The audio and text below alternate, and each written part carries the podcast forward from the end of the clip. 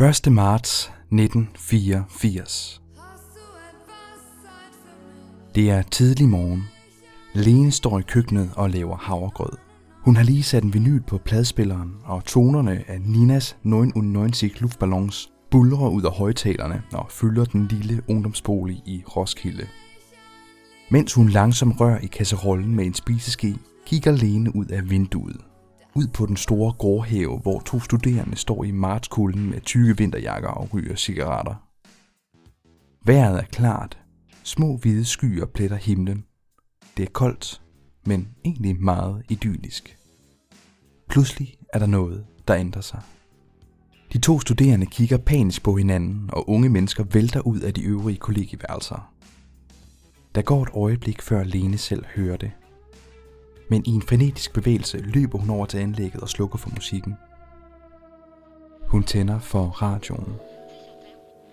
Nyhedsoplæseren fra Danmarks Radio meddeler, at kamphandlinger er brudt ud mellem NATO og Warszawa-pakten, og at et luftangreb, muligvis med kernevåben mod dansk territorium, er umiddelbart forestående. Beboere i de større byer og nær militær anlæg rådes at søge ly i de nærmeste beskyttelsesrum og afvente yderligere information. Lene trækker hurtigt en jakke på og braser ud af sit kollegieværelse ud i gården. Hun løber så hurtigt hun kan. Beskyttelsesrummet er lige i nærheden. Men det er for sent. Atombomben springer i luften cirka 600 meter over de nyindrettede ungdomsboliger. Det sidste Lene ser er alt skarpt lysglemt.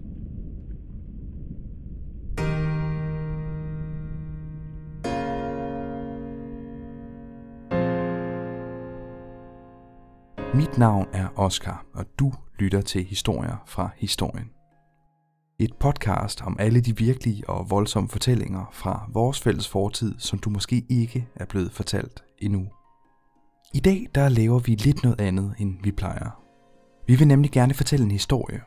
Ikke om noget, der er sket, men tværtimod om en begivenhed, der aldrig fandt sted. 3. verdenskrig.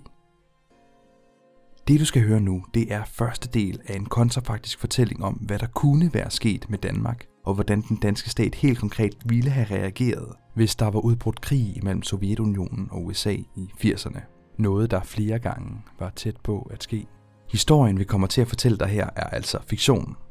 Men den er også baseret på ekspertudsagn samt øvelser, planer og dokumenter fra 80'ernes Danmark. På samme måde er de fleste af personerne i fortællingen også fiktive. Men deres historie repræsenterer ikke desto mindre, hvad rigtige mennesker kunne have oplevet, hvis bomberne var faldet. Lyt med, og husk for guds skyld at høre efter. For dem, der ikke husker historien, er dømt til at gentage den. Men vi bliver nødt til at starte, før bomberne falder. Vi befinder os midt i den såkaldte kolde krig. Jorden har siden 2. verdenskrigs afslutningen været domineret af to enorme supermagter. Det kapitalistiske USA og det kommunistiske Sovjetunionen. Forskellene på de to samfundssystemer og deres respektive syn på resten af verden er selv sagt enorme, og begge lande udkæmper en indædt politisk kamp for at tryne mod parten. Det er en kamp på ord, diplomati og trusler. Men faren for en eskalation til åben krig mellem ærkerivalerne er konstant til stede. Deraf navnet på perioden. Den kolde krig. Krigen, der aldrig blev varm. De fleste af verdens resterende lande er delt i to lejre, styret af hver sin supermagt. Vestblokken under ledelse af USA og Østblokken kontrolleret af Sovjet. Grænserne går igennem det opdelte Tyskland. USA, Kanada og de vesteuropæiske lande, inklusive Danmark, er medlemmer af NATO, en forsvarsalliance, der har til formål at beskytte det frie Europa mod en sovjetisk invasion. De kommunistiske lande i Østblokken er indlemmet i Warszawa-pakten, en lignende militæralliance under ledelse af Sovjetunionen. Men helt konkret så befinder vi os i 1983. To år forinden er den konservative Ronald Reagan blevet valgt til præsident i de forenede stater.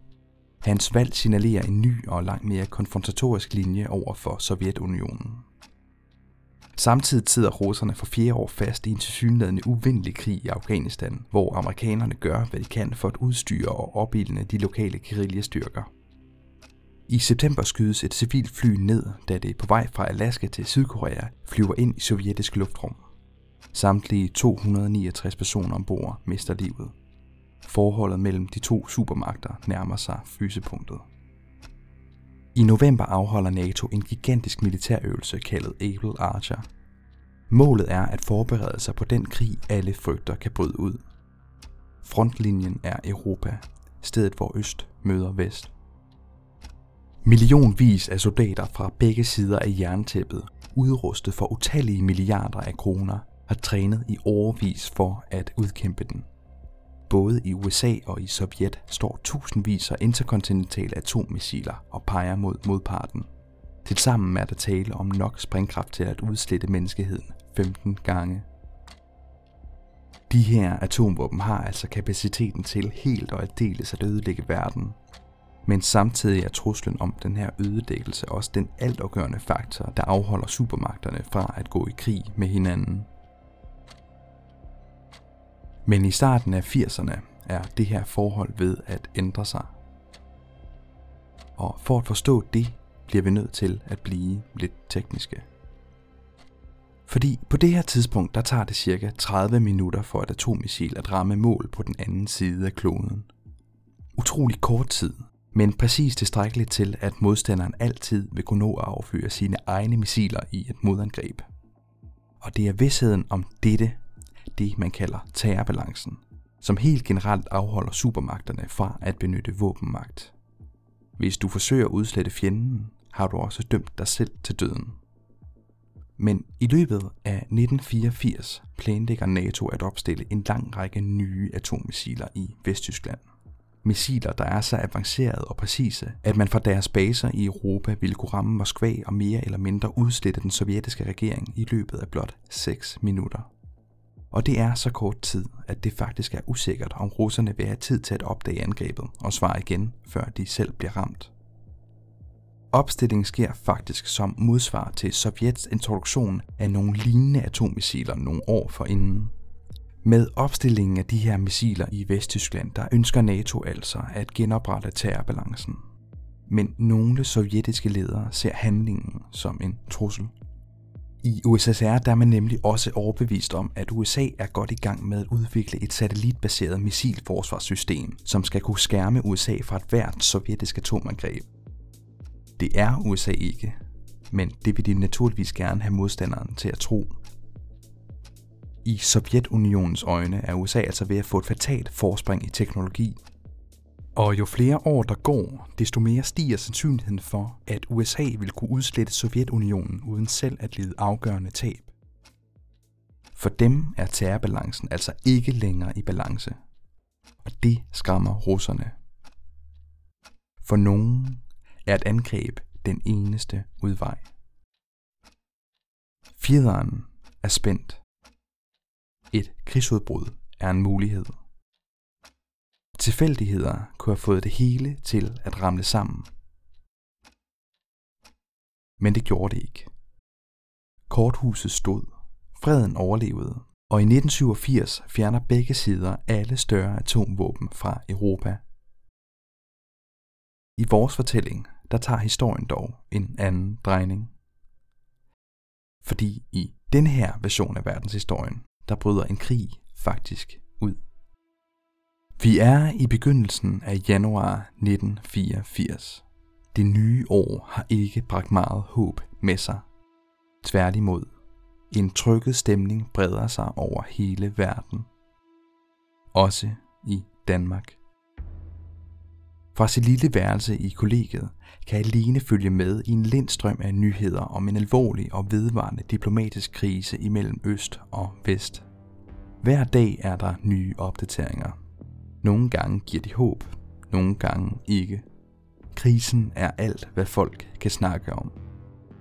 I midt januar der spidser situationen så meget til, at man i civilforsvaret, altså det offentlige beredskab, der skal beskytte befolkningen i tilfælde af krig og katastrofer, overgår fra fredsberedskab til såkaldt forstærket fredsberedskab.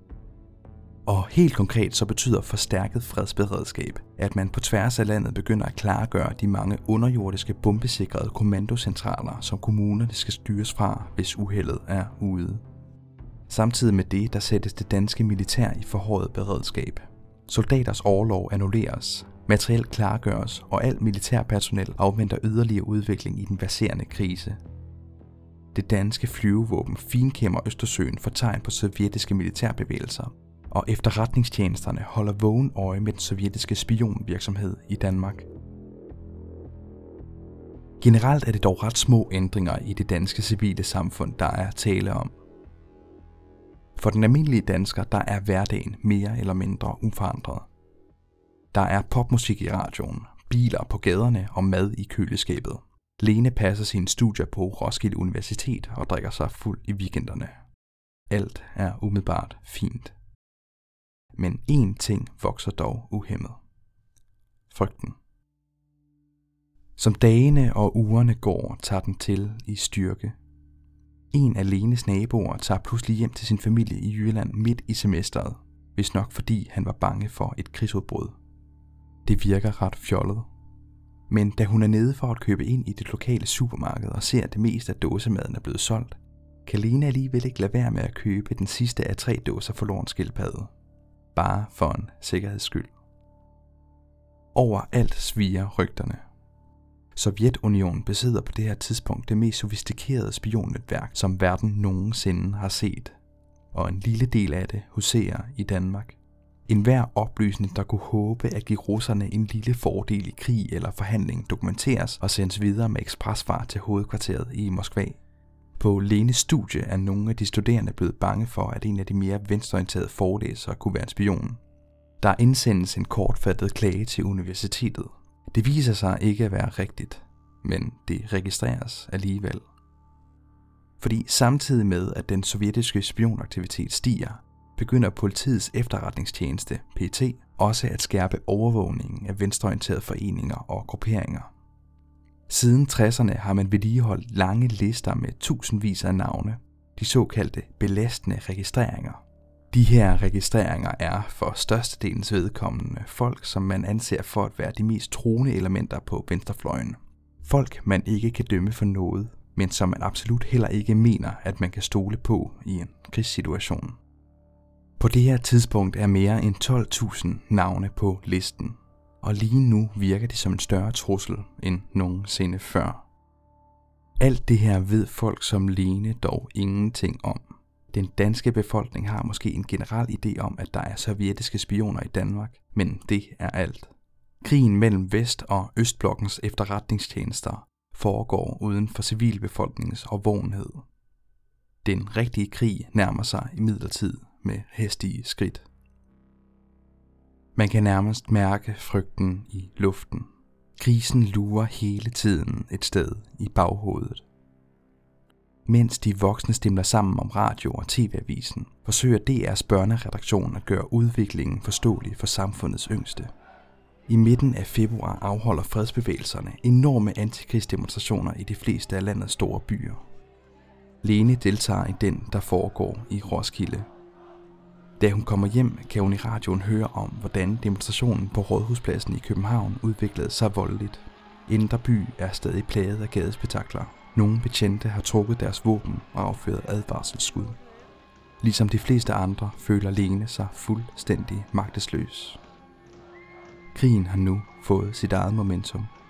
Den er næsten umulig at stoppe.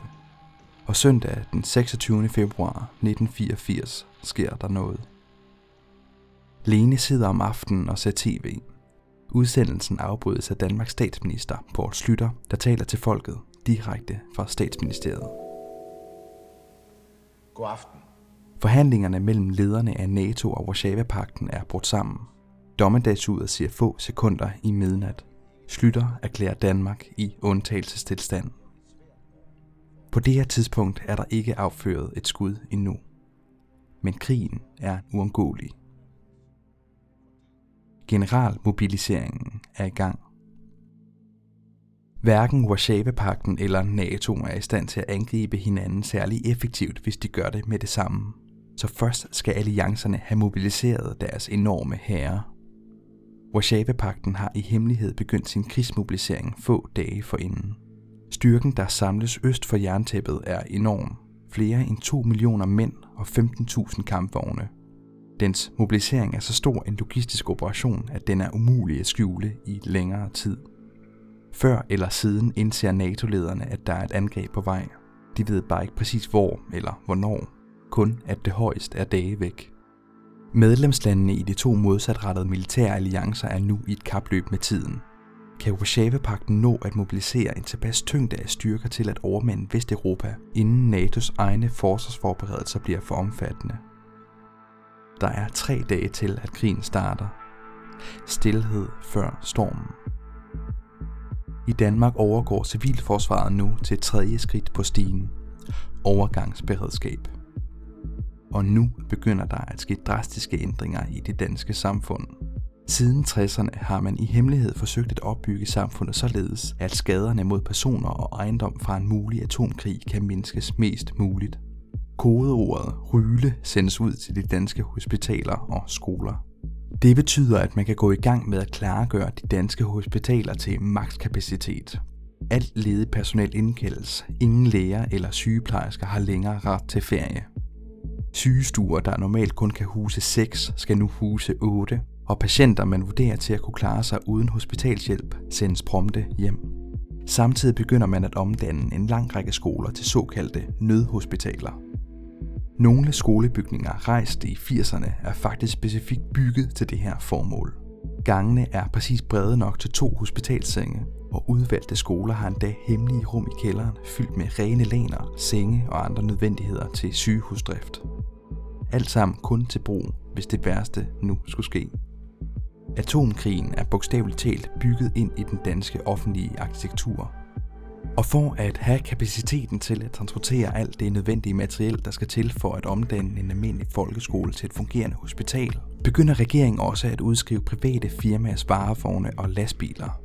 Det vil sige overtage dem mod lidt kompensation. Den normale hverdag i Danmark ophører. Ingen kan overse det.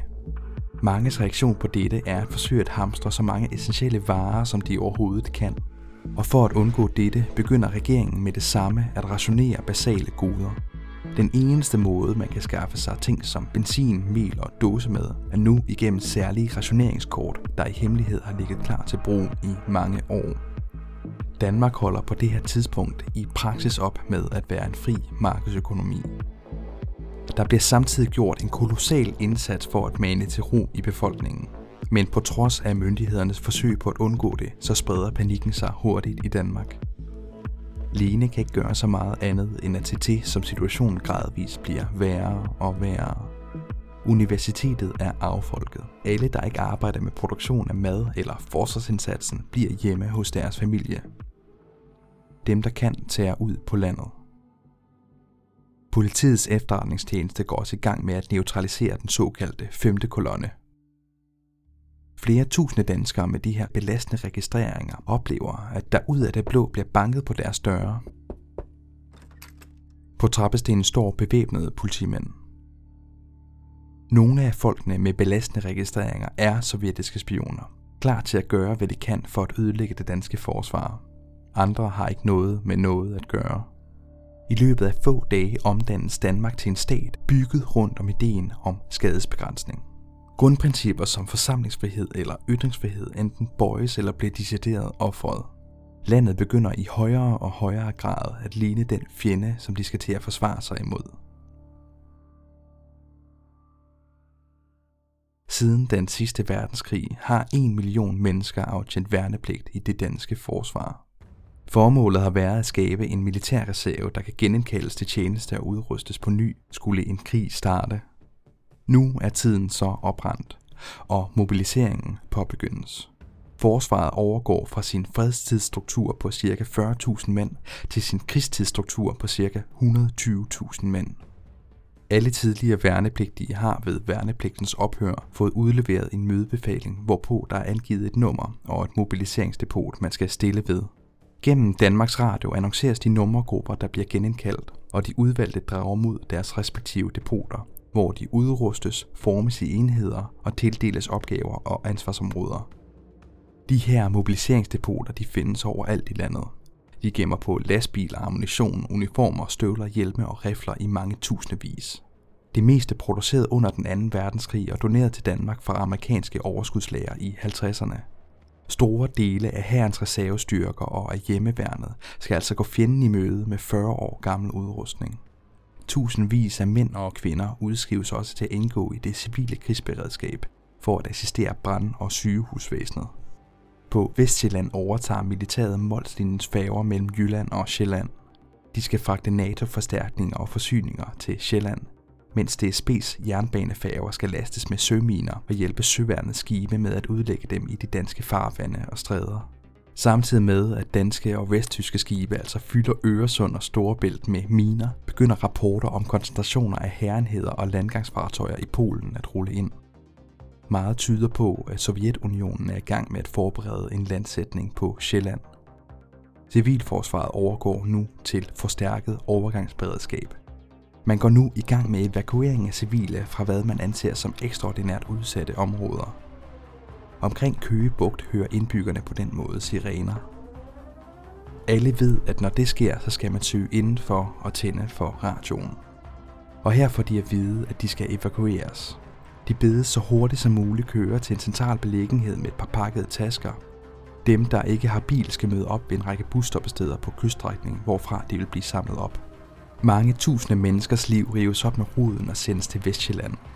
I bussen på vej væk fra deres hjemmeegn kan østjyllænderne se lange kolonner af tanks og militærlastbiler køre i den modsatte retning, mod vandet. Folk ved godt, at det er nu. Overalt forsøger de almindelige danskere at forberede sig til det, der altid er blevet fremstillet som verdens undergang. Samtidig svulmer forsvaret drastisk. Det såkaldte totalforsvar træder nu i kraft. Totalforsvaret er samarbejdet mellem politiet, civilforsvaret og militæret, der skal afbøde de værste nødsituationer. Både postmænd og bibliotekarer bliver pludselig indlemmet i forsvaret. Postmændene skal fungere som sendebud for totalforsvarets forskellige elementer, hvis telefonnetværket går ned, og bibliotekarerne skal hjælpe med bogføringen i forhold til det efterhånden gigantiske forsvar og de tusinder evakuerede. Ingen af de to grupper har på forhånd nogen idé om, at de skal deltage i det her arbejde, men de er såkaldt tjenestemandansatte og har derved særlige forpligtelser og ansvar over for staten. Den 29. februar 1984, tre dage efter erklæringen af undtagelsestilstand i Danmark, opnår NATO taktisk varsling, det vil sige, at en fjendes angreb er mindre end en dag væk. Regeringen og dronningen evakueres nu til det største og mest omfattende atomsikre anlæg i landet, Regan Vest i Nordjylland. Trods forsøg på hemmeligholdelse spredes rygtet om, at regeringen har forladt hovedstaden hurtigt. Panikken spreder sig lige så. Vidsheden om, at landets ledelse søger ly under jorden, overbeviser de sidste tvivlere om, at det her det ender galt. Der udbryder tumultariske tilstande i flere byer og trafikkaos på motorveje, efterhånden som almindelige danskere forsøger at gøre regeringen kunsten efter. Derudover der rammes Danmark af en bølge af mor, sabotage og bombeattentater. Embedsmænd, officerer og ordonanser forsøges myrdet af sovjetiske spioner. De fleste uden held takket være PT's indsats. Mange sabotageforsøg forpures også, men det lykkes stadig fjendtlige agenter at ødelægge de rørledninger, der forsyner flybaserne i Jylland med flybrændstof, samt at minere en række af søværnets krigsskibe i deres havne. Lignende scener udspiller sig også i de andre NATO-lande. Og torsdag den 1. marts, der bryder det hele løs.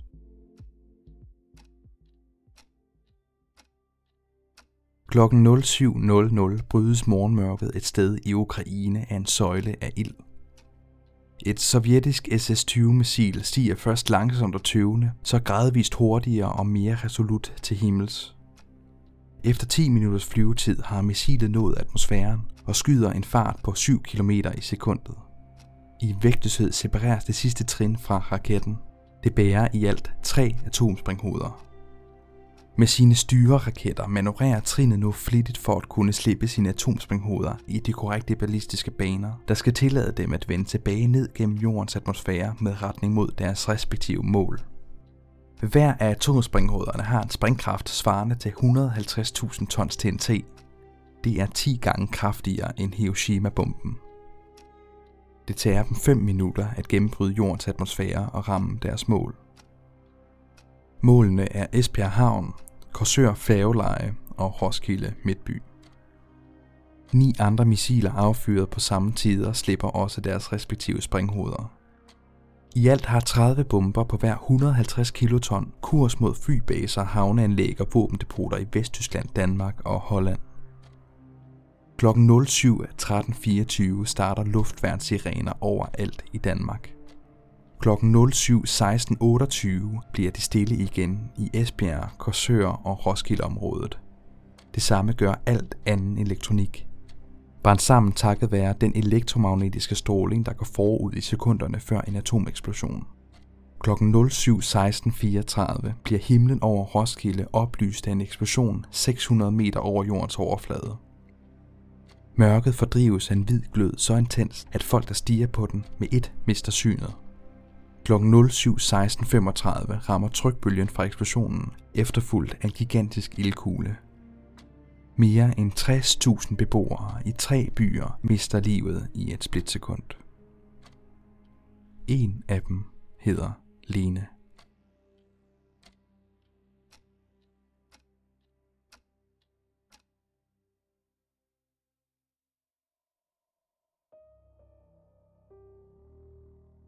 Du har lyttet til historier fra historien.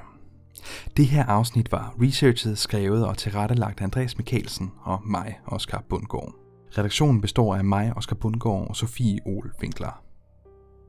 Stor tak til Stævnsfortet, Oplevelsescenter Vestvolden, Iben Bjørnsson, Paul Holt Pedersen, Brian Sørensen, Niels Jensen og Per Henrik Hansen, der alle har hjulpet os ved at svare på spørgsmål. Hvis du er mere nysgerrig på emnet, vil jeg anbefale dig at se DR-dokumentaren Danmarks Hemmelige Forsvar, og selvfølgelig høre næste afsnit af, hvis bomberne faldt. Næste gang der fortæller vi nemlig historien om, hvordan Danmark ville have reageret i efterdønningerne af et atomart angreb, og hvordan de militære forsvar ville have forsøgt at modgå en sovjetisk invasion. Hvis du godt kunne lide, hvad du hørte, så må du meget gerne fortælle det til en ven, give os nogle stjerner på iTunes eller like vores Facebook-side. Jo flere, der hører det og taler om det, jo større er chancen for, at vi får lov til at lave nye afsnit. Tusind tak, fordi du lyttede med, og jeg håber inderligt, at vi høres ved.